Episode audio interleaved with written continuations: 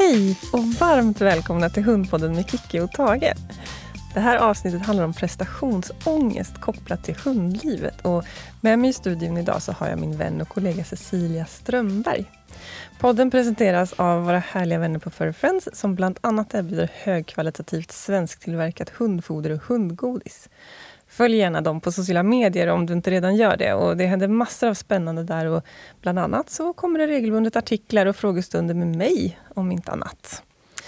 Och Självklart så är ju även Tage med här i studion och gissningsvis så kommer ni snart få höra hans härliga snarkningar i bakgrunden. Men det, det bjuder vi lite extra på. Cecilia, varmt välkommen hit. Tack så mycket. Du har ju varit med i podden tidigare, så alla trogna lyssnare de vet ju redan vem du är. Men kortfattat så jobbar ju du tillsammans med mig på Glada Jykar som hundinstruktör och håller massor av roliga kurser där. Och så har du en engelsk springer spaniel som heter Diesel som du tränar massa olika saker med. Mm. Och det var ju du som tog initiativet till det här temat, prestationsångest. Och du har också nyligen haft en temavecka om det här på ditt Instakonto, Cecilias hundliv.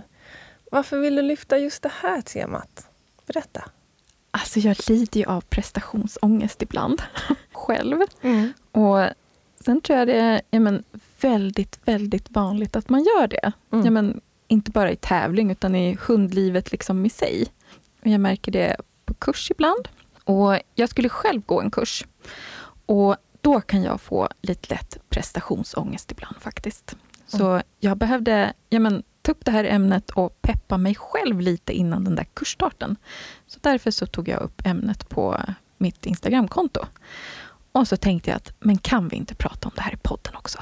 Jag tycker det är jättebra. Och det är faktiskt flera lyssnare som har hört av sig om det här tidigare också och sagt att de vill att vi ska ta upp det. För att det är ju, alltså man brottas med så mycket tankar och känslor och eh, man känner att man inte räcker till av massa olika anledningar och så ser man vad alla andra gör och så inbillar ja. man sig att alla andra är så duktigare än man själv är. Och, mm. så, så att jag, och jag självklart också lider jag av prestationsångest emellanåt. Mm.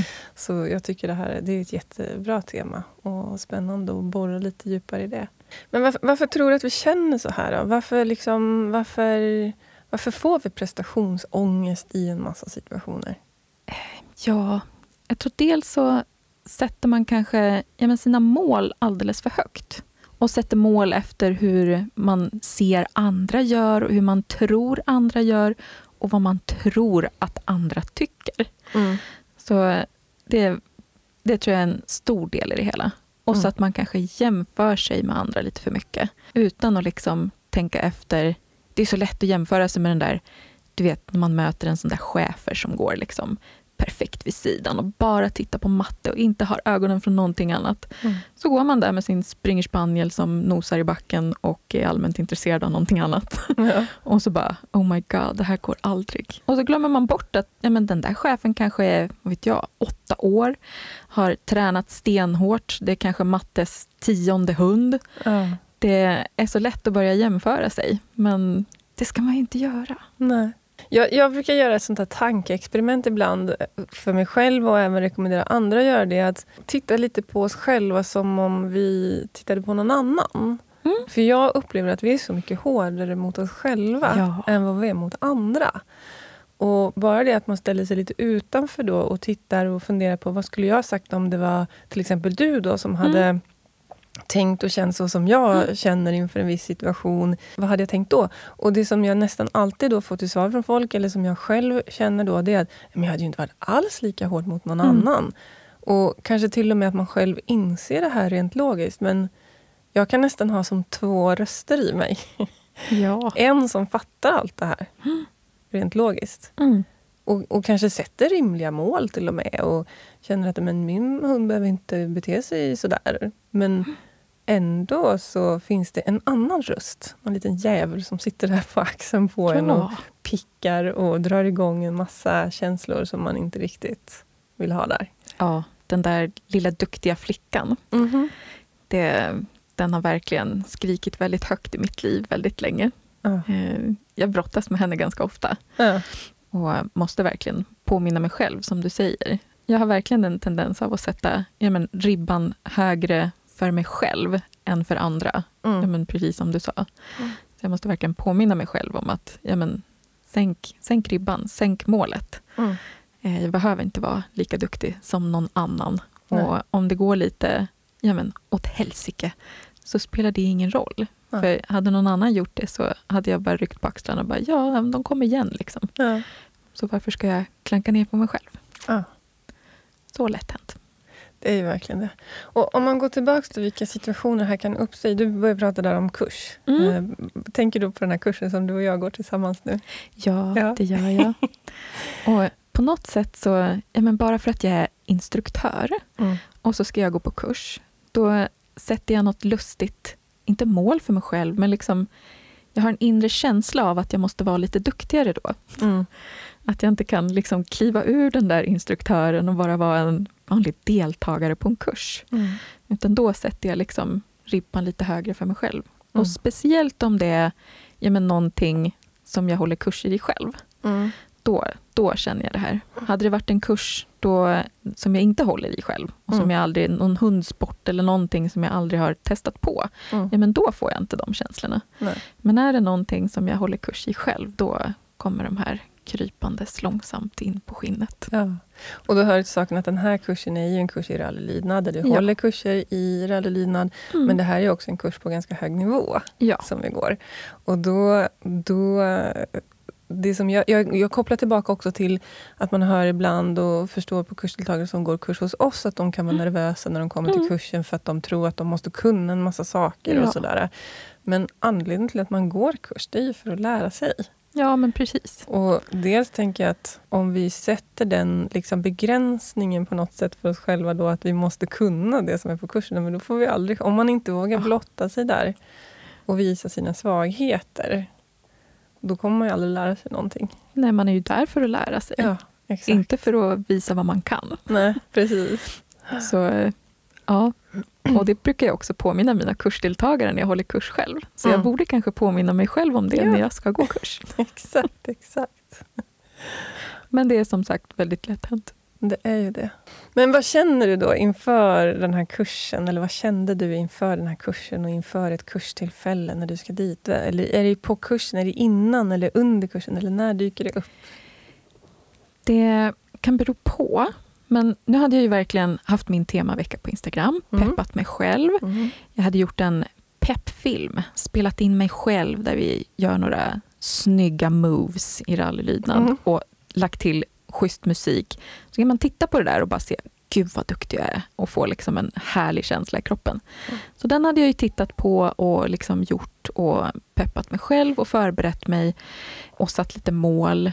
Men sen ändå när jag kom till kursen så var det just första övningen. Där var det alla våra svagheter. Mm. Och så står det folk och tittar på mig och då kommer de där känslorna krypande. Mm. Och när det blir liksom de här, ja men det som jag faktiskt inte kan. Mm. Det är ju kurs, jag ska lära mig, så vad Ja. spelar det för roll? Nej. Men ändå så blev det liksom, jag blev så nervös. Jag sa signaler som jag absolut inte brukar använda och jag sa typ fem olika istället för bara ett som jag brukar. Och det blev lite knasigt och min hund gick och nosade och fixade med lite annat. Ja. Eh, och sen var det genomgång av moment som jag hade svårast för först. Så då, ja, men då kommer det här krypandes, bara, åh jag är sämst, det här liksom känns jättejobbigt. Men sen på slutet så kom det några moment som vi var lite mer säkra på och då liksom kom min glädje tillbaka och Mm. allt blev liksom lite mycket bättre. Mm. Istället för att då bli lite nedslagen av det där, vilket jag blev, så kunde jag lika gärna bara ryckt på axlarna och sagt, nej men jag är ju bara här för att ha kul och för att lära mig saker. Mm. Och nu visade det där, ja, det visade att jag behövde träna mer på just de här tre sakerna till exempel. Mm. Bra, då tar jag med mig det till nästa gång och så tränar jag på det och så får vi se hur det går nästa gång helt enkelt. Mm. Men ändå så, det, det kommer krypandes. Vad gör du för att hantera känslorna när de kommer då? Du hade ju gjort en massa saker innan där med Mm. pepp och musik och grejer. Precis. Vad gör du när det kommer, känslorna? Jag har också, ja men, som en temasång. Mm. Alltså jag har valt ut en låt som jag får bra känsla av i kroppen. För Mm. musik påverkar liksom mitt känsloinre väldigt mycket. Mm. Så det brukar jag använda mig av. Så jag brukar lyssna på den här låten ganska mycket innan liksom använder den mest i tävling, men jag kommer behöva använda den på den här kursen också känner jag. Mhm. Och då spelar jag liksom upp den i huvudet. Och då brukar jag liksom hamna lite mer i sinnesstämning som är lite mer rätt. Mm. Så när det kommer liksom krypandes på den här nervositeten och prestationsångesten så brukar jag försöka spela upp den här låten i huvudet. Mm. Det kan hjälpa. Det där har jag ju sett en gång när vi var och tränade tillsammans för rätt länge Mm. sedan. Mm. Och då vet jag så att Diesel gick eh, ganska dåligt om man får uttrycka sig så. Ja. Eller han var liksom inte intresserad av träning och ni fick inte riktigt till det. Mm. Sen helt plötsligt i en given sekund så bara vände det och han började gå helt fantastiskt fint och Mm. följsamt. Och vet jag, frågade dig efteråt, vad hände Mm. där? Vad var det du gjorde? Och det var då du började spela den här låten i ditt huvud. Precis. Så det funkar ju verkligen för dig. Så det är Ja. superbra strategi. En sak som funkar för mig, eh, när jag... Jag tror inte jag får så mycket prestationsångest, i alla fall inte i kurs och tävlingssituationer kring vad Tage gör. Jag får mer prestationsångest kring vad jag gör. Mm. Och där kan det funka bra för mig att jag sätter ord på när min oro kommer rusande. Eh, Jag vet att jag har varit med om en del grejer faktiskt i skolan när jag var liten som har skapat det här. Att jag, kan, jag kan bli otroligt nervös i vissa kurssituationer till exempel. Eh, när det står en annan auktoritet där och håller kurs. Det kopplar Ja. jag till min lärare som jag hade en gång i tiden. Och så. Och då har jag jobbat rätt mycket med att när det här kommer så, så, så säger jag det till den personen. Bara så du vet, det här har jag med mig sedan tidigare. Jag blir jättenervös nu. Jag tycker det här är jättejobbigt för att jag är rädd att jag inte kommer liksom göra det som förväntas av mig. Eh, och bara genom att sätta ord på det. I början var jag grät när jag gjorde det. Det var så jobbigt så att jag kunde knappt sätta ord på det. Jag kunde knappt säga det. Men efter att ha gjort det här många gånger så blir det lättare och lättare. Så nu kan det nästan räcka att jag säger det i huvudet. Men bara det att jag sätter ord på att bra, det här är svårt för mig. Eh, och, och liksom blottar mig. Då Mm. försvinner det. Så för mig är det mycket, mycket svårare så länge jag har det inom mig. Men får jag säga det till antingen då de, det idealet är man kan säga, helst skulle jag vilja kanske skrika ut på tävling om man ska tävla. Så, Hallå alla, bara så ni vet, nu är jag jättenervös på grund av det här och det här. För så kanske man inte kan. Men då kan det hjälpa att säga det till en vän eller säga det högt för mig själv. Så Det är jättebra. ja, men det har hjälpt Det ska jag testa också. Och jag tänker också så här, det du egentligen, det man skulle vilja tänka i den situationen när det kommer någonting som är jättesvårt på kurs. Det är egentligen bara, gud vad bra, det här kan inte vi. Mm. Istället för att tänka då att, hjälp vad jobbigt, det här kan vi inte. Hur ska Ja, det, och herregud, det liksom, vad ska alla andra tänka? Mm. Utan att man, egentligen så ska vi vara tacksamma för det. Men ja, det är svårt. Ens egna hjärnspöken finns ju där och Mm. bråkar med oss. Jag tänker andra situationer då, någonting som, som hundägare, hund, kursdeltagare och följare av podden och sånt har pratat om många gånger. Det är till exempel då när man går på promenad med sin hund och så möter man en annan hund. Mm. Och så kanske man själv har en hund som inte riktigt uppför sig som omgivningen förväntar sig i den Mm. situationen. Utan kanske utfall eller skäller eller vad det nu kan handla om. Eh, har du några tankar kring den typen av situationer? Ja, det hör jag också väldigt ofta om. Ja, men just den situationen. Och där tror jag att ja, men, ganska många har ja, men, lite utmaningar med det. Mm.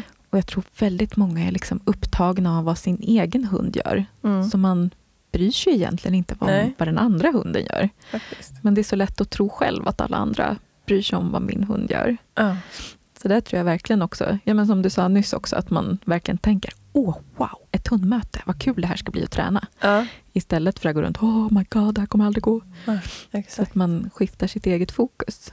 Men Ja, och så kan man ju också tänka då i den situationen, hur ofta tänker jag negativa tankar om en hund som gör utfall? Jag kanske tänker Mm. snarare då att oj, jobbigt för den hundägaren. Mm. Nu tar jag lite ökat avstånd så att den inte behöver liksom brottas Ja. mer än nödvändigt. Så det är inte så att jag tänker negativa tankar om den nej. personen eller Precis. hunden. Och då får man ju försöka vara återigen då lika snäll mot sig själv som man är mot andra. Mm.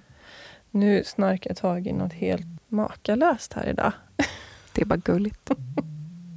Det som är den stora, vad ska man säga, det som är det största problemet med allt det här, tänker jag, med prestationsångest och de negativa känslorna, det, det är ju att de jobbar ju emot oss. Ja. Det är ju oftast det som är den värsta fienden, ingenting annat. Mm. Utan det är ju den här oron för vad som ska hända Det gör ju att man själv, som du säger, kanske ger fem olika signaler, alla utom den rätta. Yep. Och hunden blir jätteförvirrad och tycker, men gud, nu är min matte jättejobbig, jag går och nosar här istället. Mm. Eller i hundmötessituationer, att min hund känner att oj vad nervös min matte blev nu. Den, hon är nog också rädd för att den här Ja. hunden ska attackera oss. Så det är Mm. bäst att jag verkligen gör ett utfall nu för att skydda oss alla. Mm. Drar vårt stresssystem igång så blir det ju med väldigt, väldigt stor sannolikhet så att vi drar upp hunden ännu mer i stress också. Ja, det smittar ju av sig. De Ja. känner ju av hur vi känner så himla lätt. Så, ja, väldigt lätt hänt. Så man gör sig ju själv en otjänst på så många olika plan. Mm. Men jag tänker återigen på det här att vi, vi, vi, andra tänker nog inte så mycket om oss som vi tror. Oftast är folk ganska upptagna med sitt. Ja. Min man är en bra förebild. Han, han kommer aldrig på tanken att fundera på vad andra tänker om honom. Nej, inte min heller. Nej. Medan jag själv kan liksom tänka att oj, oj. Rent logiskt gör jag det inte. Men mina, alltså jag har som sagt de här två, Ja. två rösterna i huvudet. Där den ena är liksom klok och förnuftig och tänker Mm. att nej, men folk bryr sig antagligen inte och gör de det så bryr inte jag mig om det. Utan det, det får de stå för. Ja. Och sen så den andra rösten då som går igång. Så hela tiden så försöka påminna sig om att nej, men folk kanske, kanske inte tänker så mycket på vad jag gör. Man uppmärksammar alltid mer om man ser någon som är väldigt duktig. Då Ja. kan man tänka wow. Ja, Ser man någon som ja, men, har ja, men, utmaningar med något så tänker man bara ja, ja, ja, nu går min hund här. Vi är lite bättre, vad skönt. ja. Man tänker ju inte att de andra är dåliga eller Nej. liksom ser ner på dem. Utan man har en tendens av att se då de som kanske, där det funkar lite bättre. Ja, på sätt och vis så gör man ju andra en tjänst om man själv liksom visar lite dåliga Ja men exakt. egenskaper ibland. För att då lättar någon lite på trycket hos alla andras och prestationsångest. Så det, ja, så det är bra. Men sen så tänker jag också, så en sak som jag tänker på är att det är klart att det också ibland är folk som tycker att du, din hund borde vara mer Mm. väluppfostrad eller så. Men även om det skulle vara det så tänker jag att det är ju som du säger, det är olika, hundar är olika individer. Mm. Hundar har bra och dåliga dagar. Hundar Ja. beter sig på olika sätt. Och ofta kan jag tycka att det kanske snarare är folk som inte har hund eller inte kan så mycket om hund. Eller Mm. kanske haft en hund som var ganska lätthanterlig i vardagen Mm. eller på tävling eller så. Att det kanske möjligtvis är de då som tycker någonting om att en annan hund inte beter sig exemplariskt. Mm. Och jag tänker att min uppfattning är att det finns en liten bild i samhället i stort av att en hund till exempel ska bete sig på... En hund ska inte märkas för mycket Mm. mer än vi vill att den ska märkas. Och det är klart, har man då en hund som kanske skäller i olika situationer eller är lite busig och hoppar upp på folk eller snor mat, om man har en beagle till exempel, Eller en springerspaniel. eller en springspaniel, då, då kanske inte han alltid lever upp till folk i omgivningens förväntningar. Ja. Och, och då får man ju bara välja att antingen då så får man ju försöka träna hunden så att den gör det. Mm. Om man tycker det är viktigt och då får man lägga en plan för det. Om det är rimligt såklart. Det måste vara rimliga förväntningar. Eller så får man jobba med sin egen känsla av det. Och Mm. tänka att ja, fast nu är det ju min hund. Och eh, vill inte de... Jag brukar alltid säga det. Eh, på våra valpkurser går vi igenom hur man lär hunden att inte hoppa på folk. Mm. Men jag har aldrig varit speciellt noga med det med mina hundar. Utan de får hoppa på folk. Ja. Eh, och jag tycker det är helt okej. Och då får istället omgivningen då att ja, men vill de inte att min hund ska hoppa på honom, då behöver de faktiskt inte hälsa på honom. Och så har jag löst det på det sättet istället. Precis. Sen om de då tycker att min hund är uppfostrad som hoppar när man väl hälsar, ja, då får de väl tycka det. Ja, då kan man, man kan ju förvarna, det brukar jag göra. Ja, han kan exakt. hoppa om du hälsar på honom, Ja. bara så du vet. Och, och det här med att sno mat från, eh, från bordskanten, det är min hund också expert på. Och jag har haft många diskussioner med min eh, sambos familj om det här. För de har lite av en, ja men, tycker att hundar ska inte sno mat från, kan du inte bara träna bort det? Och då brukar jag förklara liksom lite så. Att, ja, men då är det ingen här som får lägga någonting på bordskanten just nu i kanske två års tid fram här. För det är liksom det som behövs för att han ska glömma att det lönar sig att, hoppa upp på bordskanten och sno åt sig någonting. Ja. Och det är väldigt mycket lättare att förklara för er människor att ni inte ska lägga saker på bordskanten än att jag ska försöka träna det här i två år. Ja. Så då brukar det liksom, ah, okej, ja, jag förstår lite. Så ja. man kan ju förklara lite också så kanske det sjunker in hos de här människorna som då tycker att hunden ska bete sig på ett visst sätt. Ja. Ett annat sånt eh, liksom, vad ska man säga, beteende som ofta jag tycker man får den typen av reaktioner på, det är det här med skällande. Mm. Jag har ju föredrag om oönskat skällande regelbundet och har alltid väldigt många Eh, lyssnade på det föredraget. så det är ett väldigt populärt tema. Ja. Och Det första jag börjar med i det föredraget är att prata mycket om att skällande är fullkomligt naturligt för en hund. Det är en mm. viktig del av hundens kommunikation och faktiskt någonting som vi har eh, medvetet liksom förstärkt under hela domesticeringsprocessen. Det är en av mm. de sakerna som har vuxit fram i samklang med mänskligheten för att vi ska förstå dem bättre. Och sen helt plötsligt nu så, så tycker vi att det är lite störande för att vi bor och har hund på ett annat mm. sätt än vad vi har haft under årtusenden tidigare. Men då har det liksom skapats en bild av att hundar ska liksom inte höras och synas och märkas och skälla i tid och otid. Och det är klart att man kan träna dem att inte skälla ohämmat mycket och så. Men det kan krävas ganska mycket träning och ändå kan vi kanske inte begära att hunden inte ska skälla alls. Utan att vi får hitta en rimlig, rimlig ambitionsnivå. Och så får vi jobba med kanske rycka på axlarna ibland när hunden skäller och säga att ja, mm. hoppla, ja. där skällde hunden. Och då kanske också faktiskt skällandet blir mindre än om vi gör väldigt stor sak av det. Men jag tänker också en annan sak som kan verkligen orsaka prestationsångest. Sociala medier. Ja. Man ser ju, eller ofta jag upplever att många ofta lägger upp, ja men liksom man lägger upp när det går bra. Mm. Visar mm. den där flashiga filmen eller berättar om den eh, när man vann den där tävlingen eller mm. visar hur fint min hund kan gå vid sidan eller sitta och stanna kvar eller vad det nu må vara. Mm. Och det är klart att det kan ge prestationsångest. Mm. Ja, det, det, där har jag tänkt rätt mycket på, för att jag, jag vet att jag är verkligen sån själv. Att jag lägger i första hand ut saker när jag är glad och positiv och stolt och när jag mår bra. Uh, och skulle det vara så att jag kommer in i en lite tuffare period eh, mentalt själv, liksom att jag inte mår topp 100 eller att saker inte går bra, så är inte mitt spontana att lägga ut det på sociala medier. Mm. Och Jag kan inte förklara exakt varför det är så, men jag tror att i grunden så finns det en god vad ska man säga, intention med det. Att jag vill sprida positiv energi omkring mig och bra mm. saker och inspirera till att så här kan man göra. Eh, samtidigt som jag fattar ju och ser ju själv när jag följer andra att man kan ju som du säger skapa prestationsångest genom det. Mm. Och själv försöker jag lösa det genom att kanske då gå in då och då och göra några lite bakom, mm. bakom kulisserna inlägg där jag mer liksom blottar eh, svagheter och oro och, och sånt som inte går så bra. Men det är ju som du säger, det är ju liksom i huvudsak det vi delar. Det är när det går mm. bra. Precis. Rent generellt. Och väljer man då också, eller om man då tittar på folk det de delar, så väljer man kanske ut omedvetet eller medvetet lite det bästa av allt man ser. Mm. Och så tror man att man själv ska kunna liksom leva upp till allt det där. Det är någon som har en hund som fungerar jätte, jättebra i vardagen och en annan har en som presterar bra på tävling och någon mm. tredje har någon som är helt fantastisk på något annat och så vidare. Så väger man ihop alla de där och så blir det ens vision om vad man ska leva upp till och då blir det ju en otrolig stress, mm. tänker jag. Absolut. Jag försöker också försöka visa ja, men när det inte går så bra alltid. Mm. Lägga upp lite. Som när jag la upp den här peppfilmen så visade jag också några klipp när det absolut inte gick som jag hade tänkt mig. Mm. Bara för jag ville verkligen påpeka att vi är inte perfekta. Nej, vi nej. gjorde bara den här filmen och klippte till för att det skulle se perfekt ut, bara för mitt ja. eget huvud. Ja. Men allt går ju inte bra. Nej.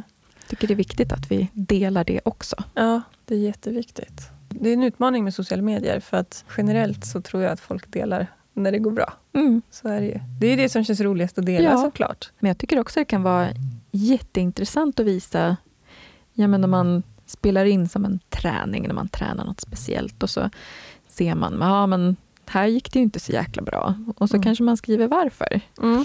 Så det brukar jag försöka göra ibland. Mm. Visa att ja, men när jag gör till exempel i någon sväng, när jag börjar med den här foten så ser ni, ja men då gick det inte så här bra. Liksom. Mm. Men när jag gick med rätt fot och liksom fick till svängen, det beror liksom på det här. Mm. Så att man också kan få se skillnaden och ja. någon slags utveckling. Exakt. Det är ju också bra för, ja, men för alla att se att bara, jaha, så där kan man skifta lite och då går det faktiskt lite bättre. Mm. Istället för att bara se det färdiga resultatet som man ja. blir lite så wow-känsla av. Ja, jag uppskattar sådana inlägg lite mer faktiskt. Ja, håller med. Så där kan vi ju alla bidra mm. när vi delar och tänka på vad vi delar. Och sen så Absolut. tänker jag att så får man jobba med sin egen tanke kring det där. När man, att man tänker på att allt man ser är ju någon slags slutresultat. Ja. Och vägen dit är ju krokig såklart för mm. alla. Det är ju ingen som gör allting rätt. Det Nej. är väldigt svårt att tro. Ja, absolut inte allt rätt från första gången. Nej men exakt. Ja,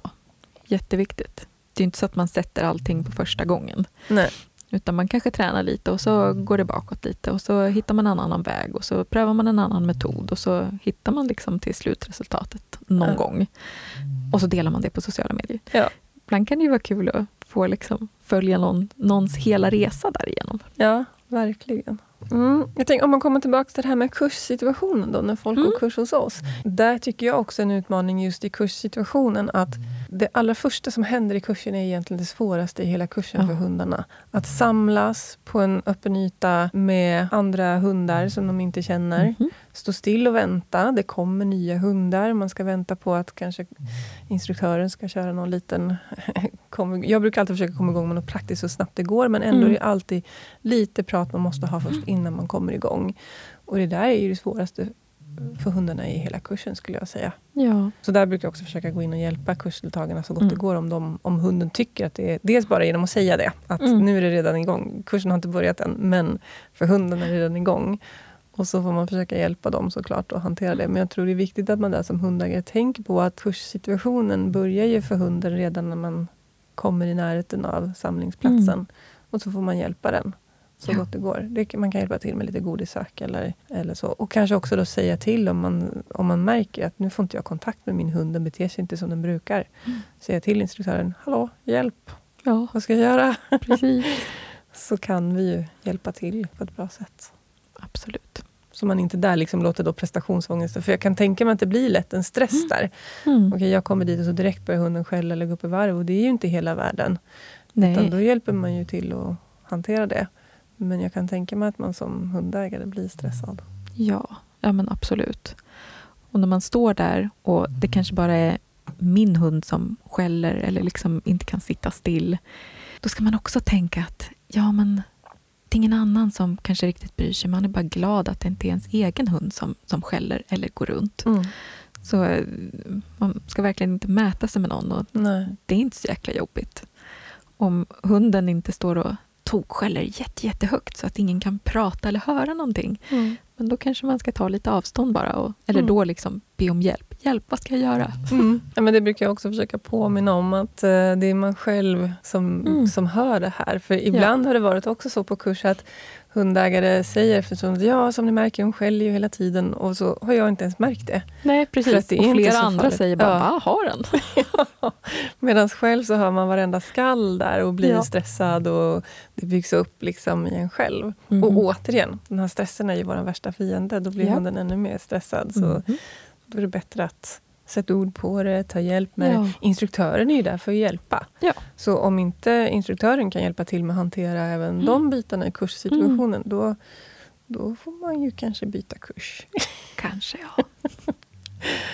tänker jag. Men det kan vara svårt som instruktör att hjälpa om man inte vet mm. att hjälpen behövs. Ja, så precis. om någon tycker att det är jobbigt så kan det vara bra att sätta ord på det och säga till. Mm. Och klarar man inte det under kursen så ja, men ring eller mejla efteråt inför mm. nästa kurstillfälle så kan man liksom ha en plan. Precis. Så, mm. Jag tror mycket, men det är som sagt, man får hitta den strategi som funkar för en själv. Men för mig är det verkligen så att känner jag att det är någon slags negativ känsla någonstans i mig, mm fundera på vad står den för? Mm. Vad, liksom, varför fick jag den här mm. känslan nu? Är det prestationsångest då? Eh, att lite så här, verkligen känna in den och mm. känna efter vad den står för och hitta, sätta ord på den. Mm. Antingen bara för mig själv eller också för liksom andra inblandade som till exempel då instruktören om jag går en kurs eller andra mm. kursdeltagare eller vad det kan handla om. Men det är det som funkar för mig. Det, men det kanske också är lite då prestationsorienterat. Att jag tänker att om man har jobbet med prestationsångest, då kanske man heller inte vill... Då kanske man tänker att man måste klara det själv och lösa problemet ja. själv. Uh, att det ja, blir liksom den här nästan ett... duktiga flickan eller duktiga pojken i en kanske bara vill... Ja, men det här ska jag kunna själv. Nu ska jag ja. lösa det här. Precis. Men be om hjälp. Mm. Eh, Jag ska ha en vardagslydnadskurs om ett par veckor tror jag. Och det är faktiskt ett par deltagare som hörde av sig och frågade, ja men våran hund har lite problem med det här och förklarade situationen. Och så undrade de först om det var en lämplig kurs och det är ju jättebra kurs för dem att gå. Mm. Och så var de lite oroliga för att hunden kanske skulle skälla och ja, men, göra någonting. Så då Mm. frågade de mig, ja, men hur ska vi hantera det här? Mm. Så då gav jag dem lite tips på mail. Mm. Så de ska åka till lite olika ställen och ja, men, förbereda sig lite för kurstillfället fast utan att vara på kurs. Liksom. Mm. Som åka till ställen där det är lite mycket folk och ja, men, vänja hunden lite vid det och vara vid stora ytor. Se till att hunden kan till exempel söka godis eller slicka lite på en osttub Mm. eh, så att den har det liksom i tanken innan. Mm. Och sen hjälps vi åt vid själva kurstillfället. Om Mm. hunden börjar skälla och bli ja, men, helt ur spel så tar den ena, ena människan med sig hunden och så får den andra stanna kvar och, och lyssna lite. Och så hjälps vi åt att hitta rätt avstånd och Mm. eh, få till det där. Jag tycker det var jätteskönt att de hörde av sig innan och sa det här. För Ja. då vet ju jag, ja men den där hunden kanske har lite utmaningar med att vara nära andra hundar till exempel. Ja, Så då kan man hjälpa dem lite extra. Det är bra. Mm. Mm. Så det uppskattar vi. Ja. Har du pratat med kursledaren för kursen vi går om att du har lite prestationsångest? Nej, det har jag ju inte. Skulle det vara något som skulle hjälpa dig att göra det? Gud, nu får jag nästan lite prestationsångest bara för att jag inte har gjort det. Förlåt om jag blottar dig här, men nu, nu ska vi borra i det här. Nej, men det här var jättebra. Det borde jag faktiskt göra. Jag, jag, jag lovar att jag ska säga det högt inför alla också innan, liksom, i, i starten på, på nästa tillfälle. Ja, Eh. För jag känner att ja, men jag måste säga det också. Jag har tänkt på det lite. Mm. Eh, så jag borde vara lite tydligare med att jag faktiskt har väldigt mycket prestationsångest. Mm. Mm, spännande. Och sen behöver det såklart inte vara så att det funkar för dig. Bara för att det funkar för mig. Men det kan ju vara värt att men prova. man kan ju alltid testa. Ja. Ja, spännande att höra. I vilka andra sammanhang kan man tänka sig att de här prestationsångesttankarna och känslorna dyker upp? Då? Har du några fler sådana exempel? Ja, det är ju lätt att jämföra sig med, med hundens kullsyskon. Speciellt om det finns någon, kanske någon Facebookgrupp eller bara såna här tidningar från specialrasklubbar brukar ju dyka upp. Där ser man ju verkligen bara hur bra det har gått för alla. Mm. Den här har vunnit det och den har titel Mm, på det här och mm, den har mm. tagit championat och den var på utställning och fick excellent och allt vad det är. Och när man har kullsyskonsträffar då är det ju jättelätt att jämföra sig för det är ju liksom samma kull till och med. Ja, rent genetiskt så ja, borde de ha är lika ganska gamla lika. och de Mm. borde ha samma förutsättningar kanske man tycker. Så där är det ju jättelätt att jämföra sig. Mm. Det kommer jag ihåg när, när Diesel var liten att bara, jaha, nu har den tagit championat i, i viltspår, borde jag börja med viltspår? Mm. Så, jaha, nu har den tävlat rallylydnad och ja, men, man börjar jämföra sig på en gång. Ja, men det är ju såklart en utmanande situation. Men vad, vad kan man göra åt det då? Men där är det verkligen viktigt att tänka på ja, men vad man har för egna mål Mm. och verkligen inte jämföra sig och inte sätta mål efter vad andra tycker. Nej. Och sen kan det ju vara så att den där hunden som kanske har det där perfekta fotgåendet men jag har inte det. Det kan ju bero på att eh, den hussen eller matten den kanske har haft tio hundar Mm. och det här är min första. Och kanske Så- just tio engelsk springer spaniel och har lärt sig Exakt. vad som funkar och inte. Med, Precis. även om det självklart är individer så kan Ja. det ändå vara att man samlar på sig erfarenhet Mhm. och så vidare. och så vidare. Så, Precis. Jag tänker också att det kan ju säkert vara många uppfödare som ligger på lite också om och håsar upp lite att man, de gärna vill ha lite meriter på hundarna. Och, Mm. kan jag tänka mig. Ja, man ser ju hur de kan vinna priser, uppfödare, för att ja, men, många av deras valpar har ja, men, fått olika titlar och sådär. Och så kanske man vill vara lite till lag så ja, men också vill bidra till det här fina resultatet för uppfödaren. För man man Mm. behöver ju inte vara att de pressar en till det. Nej. Det är absolut inte min uppfödare gjort. Hon, hon är jättesoft och jättehärlig. Men ändå så är det ju lite så att man, man vill vara lite, eller man, jag, jag vill vara lite duktig. Ja. Så då vill jag ju också liksom prestera lite. Men försöka tänka att det är jag som bestämmer och Ja, det där tror jag är viktigt att komma tillbaka till hela tiden. Att fundera på vad, jag, vad har jag för mål? Vad är viktigt mm. för mig och min hund? Ja. Och så komma tillbaka till det hela tiden och påminna mm. om det. Sen kan man revidera dem och man kan ja. fundera över om... Ja, men att man hela tiden påminner sig om att jag kan ju bara leva upp till mina egna mål, inte alla andras mm. förväntningar. Det är så lätt hänt att man dras med. Skaffar mm. sig en massa mål omedvetet, som man ja. inte riktigt vet varför man har. Ja, men precis. Och är mm. lite realistisk med sig själv också. Att, mm. ja, men, om min hund ska kunna vara precis som den där hunden, då kanske jag måste träna fem timmar om dagen. Mm. Och så kan, men jag kanske inte har den tiden eller orken. Nej. Då får man bara inse eller lusten. Att, eller lusten. Mm. får man bara inse att nej, men då kanske vi sätter målen lite lägre än, än de där. Ja. Och Sen är det också lite olika, tänker jag, hur man är som person. Om man tycker att det är kul att göra många olika saker, då kanske man mm. inte blir superbra på någon Nej. av dem.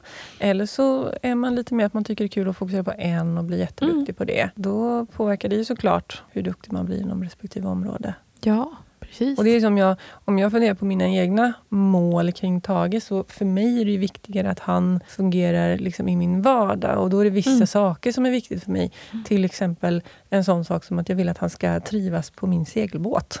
Ja. så den här våren la jag flera helger på att bara bo och, och träna nosework på båten och mm. göra liksom massa aktiviteter för att han skulle bli trygg och stabil där. Mm. Hade jag lagt den tiden på rallylydnadsträning, då hade vi säkert mm. varit ännu duktigare på rallylydnad idag än vad vi är nu. Ja. Så man får också fundera på vad man använder sin tid till, så att man använder den i den riktning som man själv tycker är viktigt.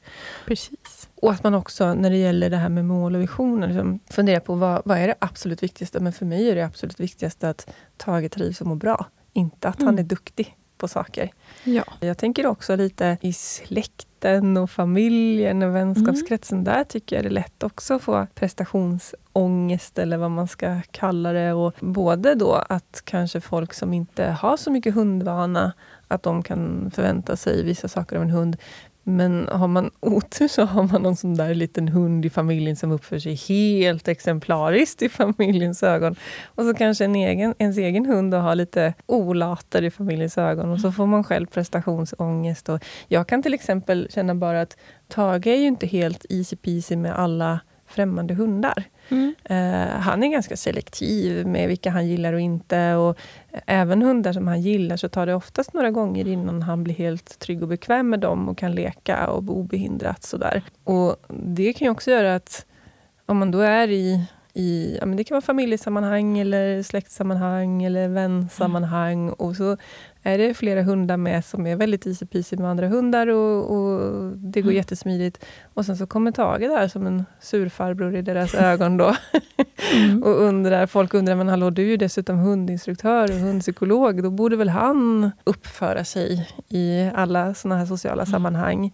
Medan jag tänker att han är ju en levande varelse. Min, min uppgift mm. som hundägare, hundinstruktör och hundpsykolog, det är ju att skapa förutsättningar så att han inte utsätts för någonting han inte trivs med, tänker mm. jag. Så min viktigaste uppgift alltså, som hundägare och, och hundinstruktör och hundpsykolog, det är väl snarare att skapa bra förutsättningar för honom och alla i hans omgivning. Och då mm. om det handlar om att han får ligga och vila i ett separat rum och vara trygg med det, mm.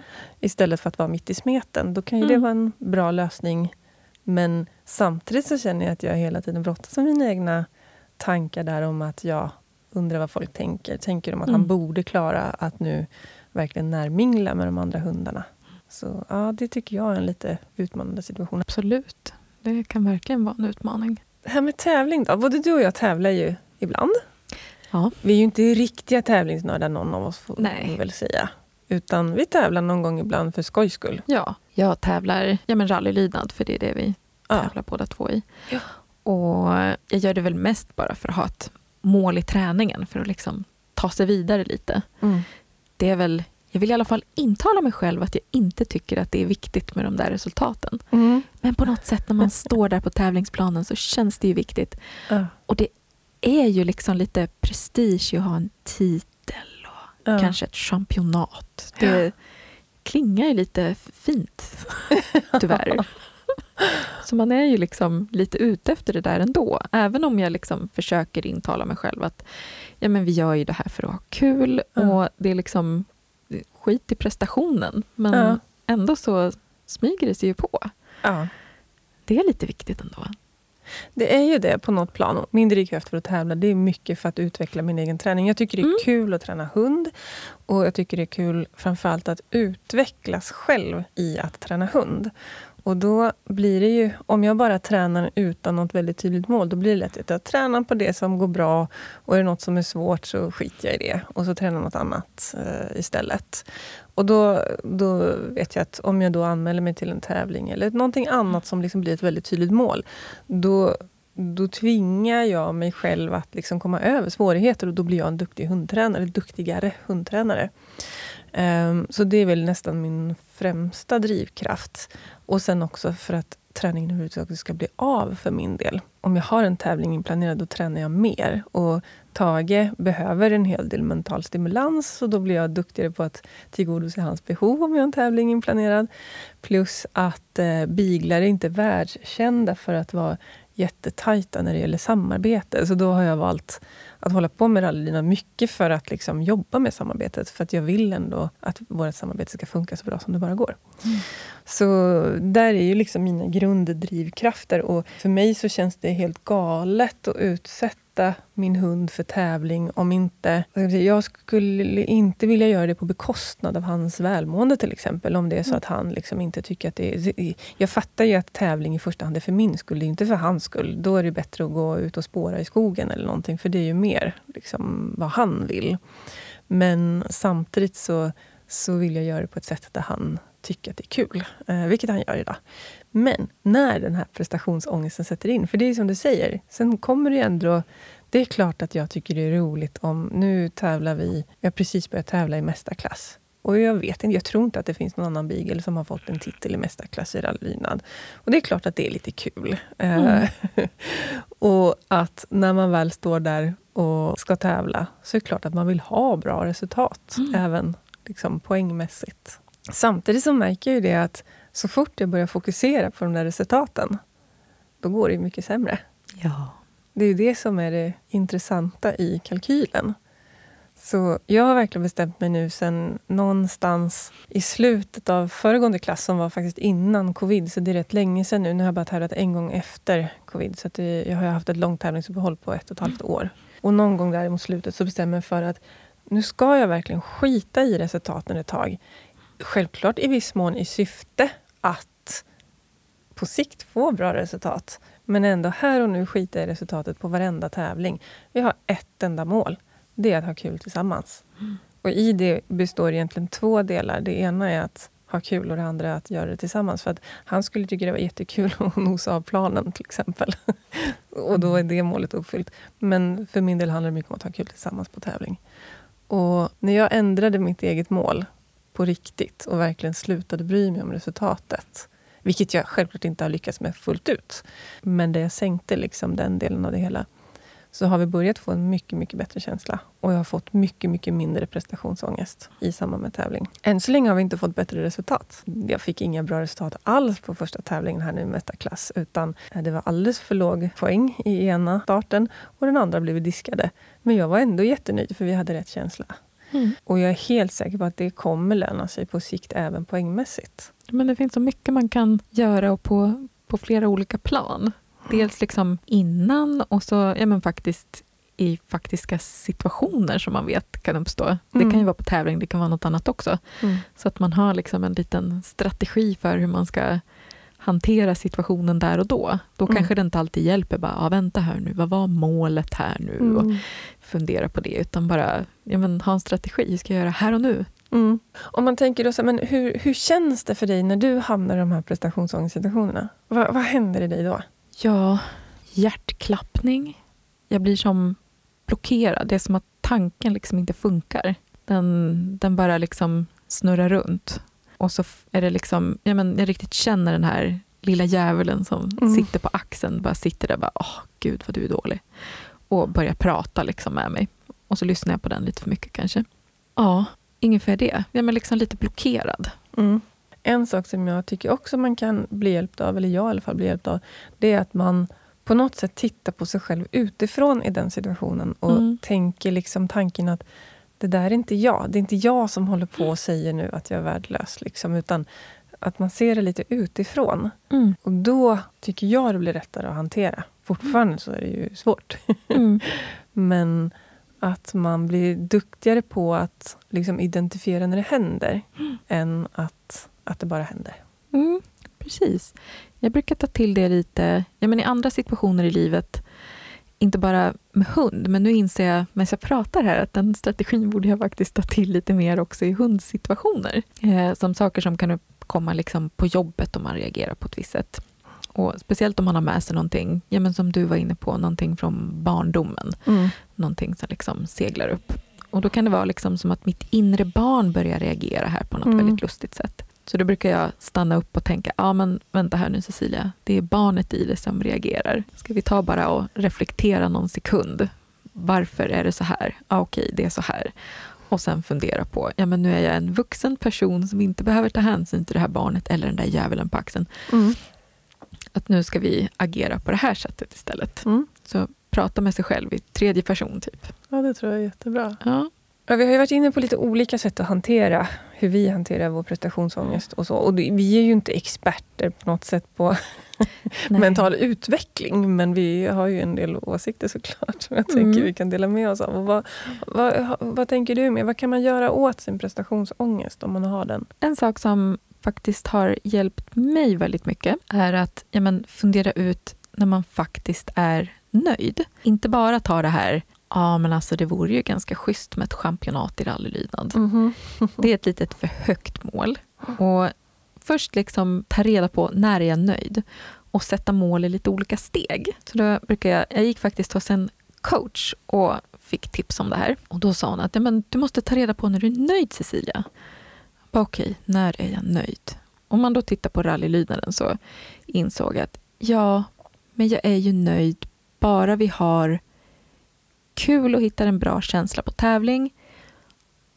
Och så är jag nöjd om vi får det där sista godkända i fortsättningsklassen. Mm. Då är jag nöjd. Mm. Och sen kan man sätta ett, ja men, wow vad vi är bra-mål. Mm. Och så kan man sätta ett typ sikta mot stjärnorna-mål när man verkligen är wow. Mm. Och då får du väl det där, det är inte ens championatet som är mitt sikta mot stjärnorna-mål, för jag inser att det kanske är lite för högt satt. Utan det är kanske att vi bara tar oss till mästarklass. Mm. Det spelar ingen roll om vi ens, bara vi startar en gång där. Mm. Och sen ett wow vad vi är bra-mål kanske är att vi tar oss någonstans där till, till avancerad. Men spelar inte så stor roll det heller, utan jag är nöjd bara jag har klarat av det här nöjdmålet. Mm. Och sätta dem i de här stegen kan man applicera på ja, men, vad som helst. Mm. Och jag har satt såna här mål i tre steg på jättemånga olika saker. Och det har hjälpt mig jättemycket i prestationer i andra saker vi gör också. Bara, nej men jag är ju faktiskt nöjd. Mm. Jag kanske inser att jag redan är nöjd med vissa saker. Och då kanske man tränar vidare bara för att ja, men det är kul eller bara för att man vill utvecklas lite mer. Men jag är Mm. nöjd. Mm. Så just att veta, när är du nöjd? Mm. Jag kom lite, kanske lite långsökt, men jag kommer att tänka på din pepptavla Mm. också. Ja, det För kan den också kan ju också vara ett sånt sätt då att faktiskt, ja men kolla, det här kan jag ju faktiskt vara nöjd med. Mm. Du kan berätta om din pepptavla, som vi pratade om i avsnittet om vardagsplanering för hundlivet. Ja, men det går ut lite på att man ska ja, men se sina framgångar. Mm. För ibland så kan det vara svårt att eh, ja, men se vad är, vad är det vi har gjort och vad är det vi har klarat av. De Mm. faktiskt skriva ner det. Mm. Gör en stor jäkla tavla där Mm. man bara öser ner. Vad kan vi? Vad har Mm. vi gjort? Vad har vi klarat av? Mm. Så kan man titta på den och bara, ja men vi är ganska bra ändå. Och att man faktiskt ja, men firar de här små framgångarna, även om de är jättesmå. Mm. Det kanske är, ja men vi klarade faktiskt att gå förbi en liten hund mm, 50 meters avstånd. Mm. Gud vad bra, det klarar vi inte förut. Mm. Så att man skriver ner det. Så Mm. kan man gå och kolla på det. Bara, ja, men vi klarar ju faktiskt av det där. Mm. Så att man får liksom en karta över hur, hur Mm. bra man är. Mm. Jätteviktigt. Det är så lätt hänt annars att vi eh, fokuserar på de där sakerna som inte går bra. Ja. Och så glömmer vi allt som vi faktiskt åstadkommer. Mm, precis. Sen får man ju också, jag menar, man ska ändra tankesätt. Det är ju sånt som tar tid. Mm. Så då får man heller inte få prestationsångest Nej. i att man ska prestera i sin icke-prestationsångest. Precis, den är relevant. Så man får liksom ge, klappa sig själv på axeln lite och inse att ja, men nu lyckades jag inte sätta de här målen just nu, men vi, vi gör ett försök till. Ja, ja. ja, och det finns en hel del sådana här tankar. För jag tänkte nu också så att ja, men kanske att man till och med går i en tankefälla bara genom att sänka sin ambitionsnivå. Det kanske är så att man också måste fokusera ganska mycket på att det är inte prestationen som sätter värdet varken på mig mm. eller min hund. Utan ja. min hund är ju värd precis lika mycket. Diesel och du är ju värda min, precis lika mycket oavsett om ni ens klarar ert nöjdmål eller inte. Ja. Att det har ju ingenting med varken människovärde eller hundvärde att göra. Ja.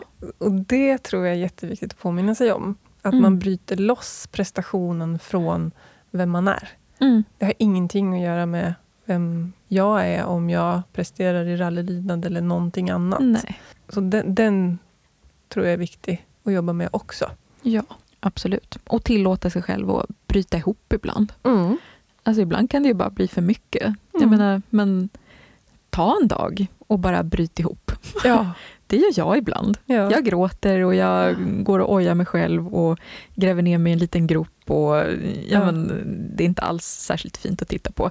Men sån är jag ibland. Och då tillåter jag mig själv att bryta ihop ordentligt.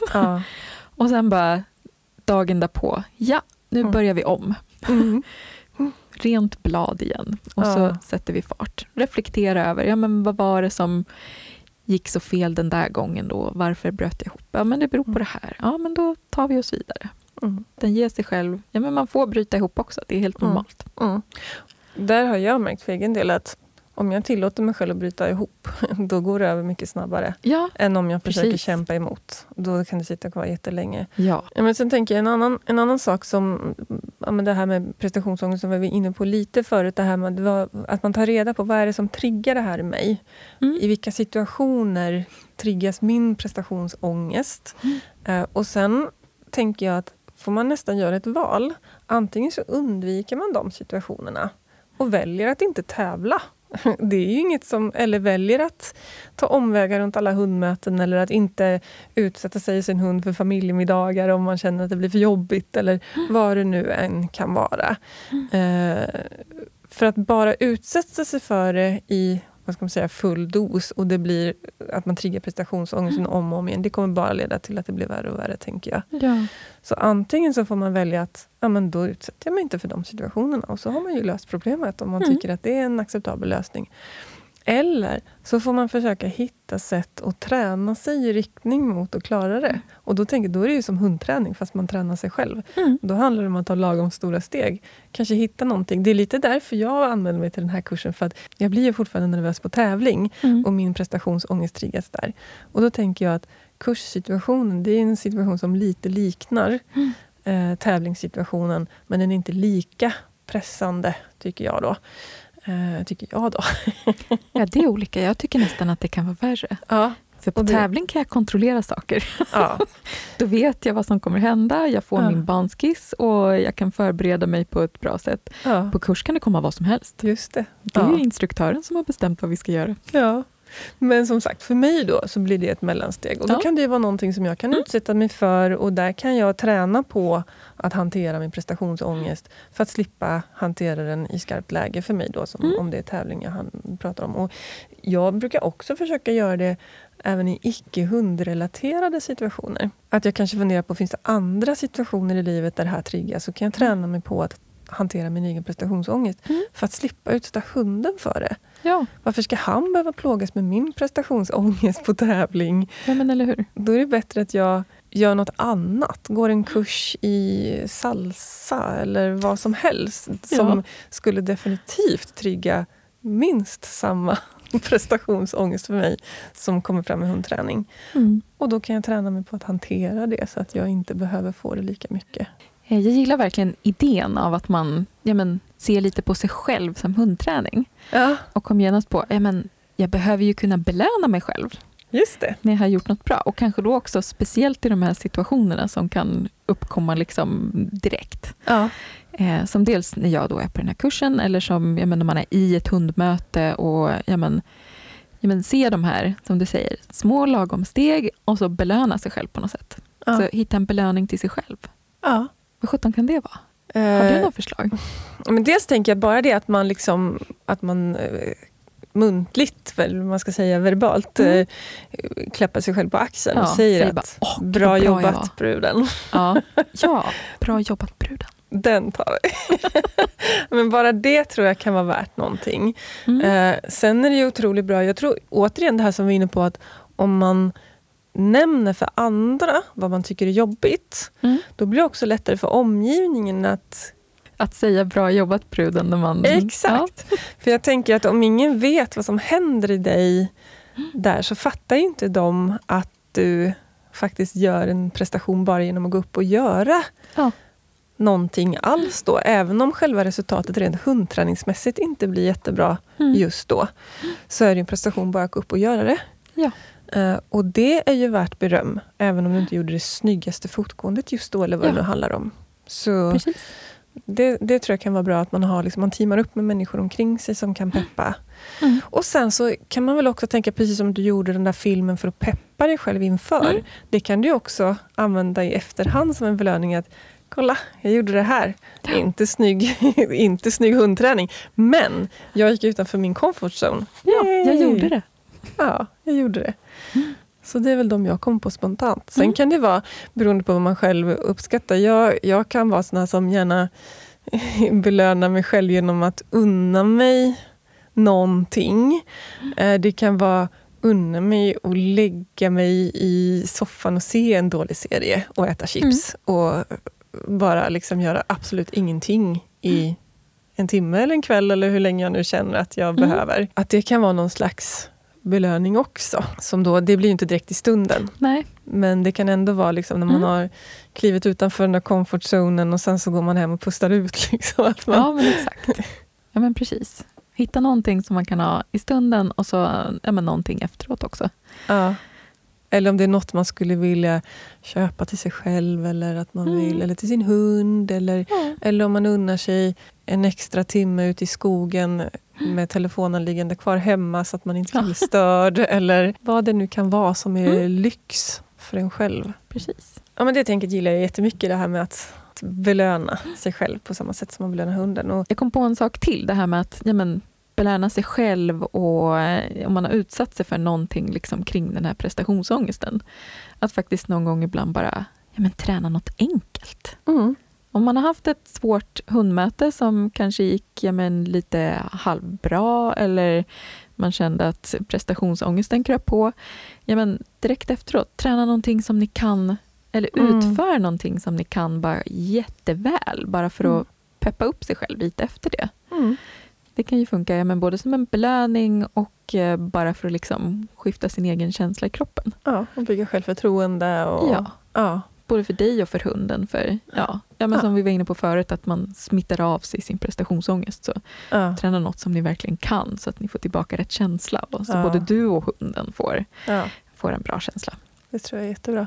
Och jag tänker också på det här med att hålla sig liksom inom sin trygghetszon som en bas. Mm. Liksom där har man sin trygga bas, Mm. men så kliver man medvetet utanför. Mm. Och då inte kliver liksom eh, jätte, jättelångt utanför och hamnar i de här jättejobbiga mm. lite lagom utanför och sen in och pustar ut igen. Och gör saker vi är trygga med och känner oss bekväma med. Och sen kan man ut och ta nästa kliv och nästa kliv. Mm. Men att man inte hela tiden pressar sig att vara där utanför heller, för det kan ju bli prestation i det också. Ja. Att man då ska göra svåra saker hela tiden. Kloka ord. Om man skulle summera det här då, vad, vad, är liksom, vad är dina bästa tips att tänka på om man vill jobba med sin egen prestationsångest?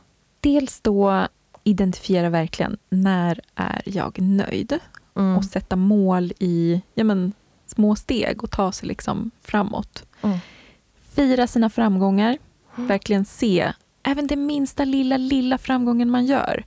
Fira det på något sätt. Mm. Gör en sån här peppkarta som vi pratade om, till exempel. Eller bara ja, men, någonting som ja, men liksom förhöjer. Fira lite. Belöna sig själv. Stanna upp och reflektera. Eh, fundera över ja, men, varför känner man prestationsångest ja, men, i just den här situationen. Vad beror det på? Det brukar oftast vara ja, men, lättare om man tar fram för själva anledningen och vrider och vänder lite på den. Så man får reda på varför. Då är det lite lättare att hantera den också. Men jag tänker också att kanske fundera på för vem skull gör man saker? Mm. Är det för min egen skull eller är det för att jag tror att omgivningen förväntade sig av mig? Eller varför gör jag det egentligen? Ja, men jämför dig inte med andra. Nej, exakt. Och tänk på att vägen är inte spikrak för någon. Och det är Mm. ofta slutresultatet vi ser. Ja. Och det gäller ju samma sak för oss själva då som för andra. Och jag tror det är nästan mitt viktigaste råd på något sätt. Titta på dig själv som du tittar på andra. Mm. Var inte hårdare mot dig själv än vad du är mot någon annan. För jag upplever att vi är så ofta det. Inklusive jag själv. Jag är Mm. mycket, mycket hårdare mot mig själv än vad jag är mot omgivningen. Mm. Mm. Och tillåt dig själv att bryta ihop och kom igen. Ja, precis. Ja, men det tycker jag blir en jättebra slutkläm på hela det här avsnittet om prestationsångest. Och tack snälla Cecilia för att du både initierade temat och för att du ville vara med här och prata om det idag. Och och eh, innan vi rundar av så tänkte jag bara nämna att vi har en höstkampanj nu där man får 25% rabatt på kursen Vardagsträning, aktivering och abrovinker som är en eh, självstudiekurs online som jag har gjort tillsammans med Tage där man får det bästa ur våra vardagstränings och aktiveringskurser kan man säga. Med massor med olika praktiska övningar där man får en bra grund för att hantera olika vardagssituationer kan man säga. Och vill du ha fler tips och råd i vardagen så ska du självklart följa oss i sociala medier. Både Cecilia på Cecilias hundliv på Instagram och mig, Kiki Felstenius, hundpsykolog på antingen Facebook eller Instagram.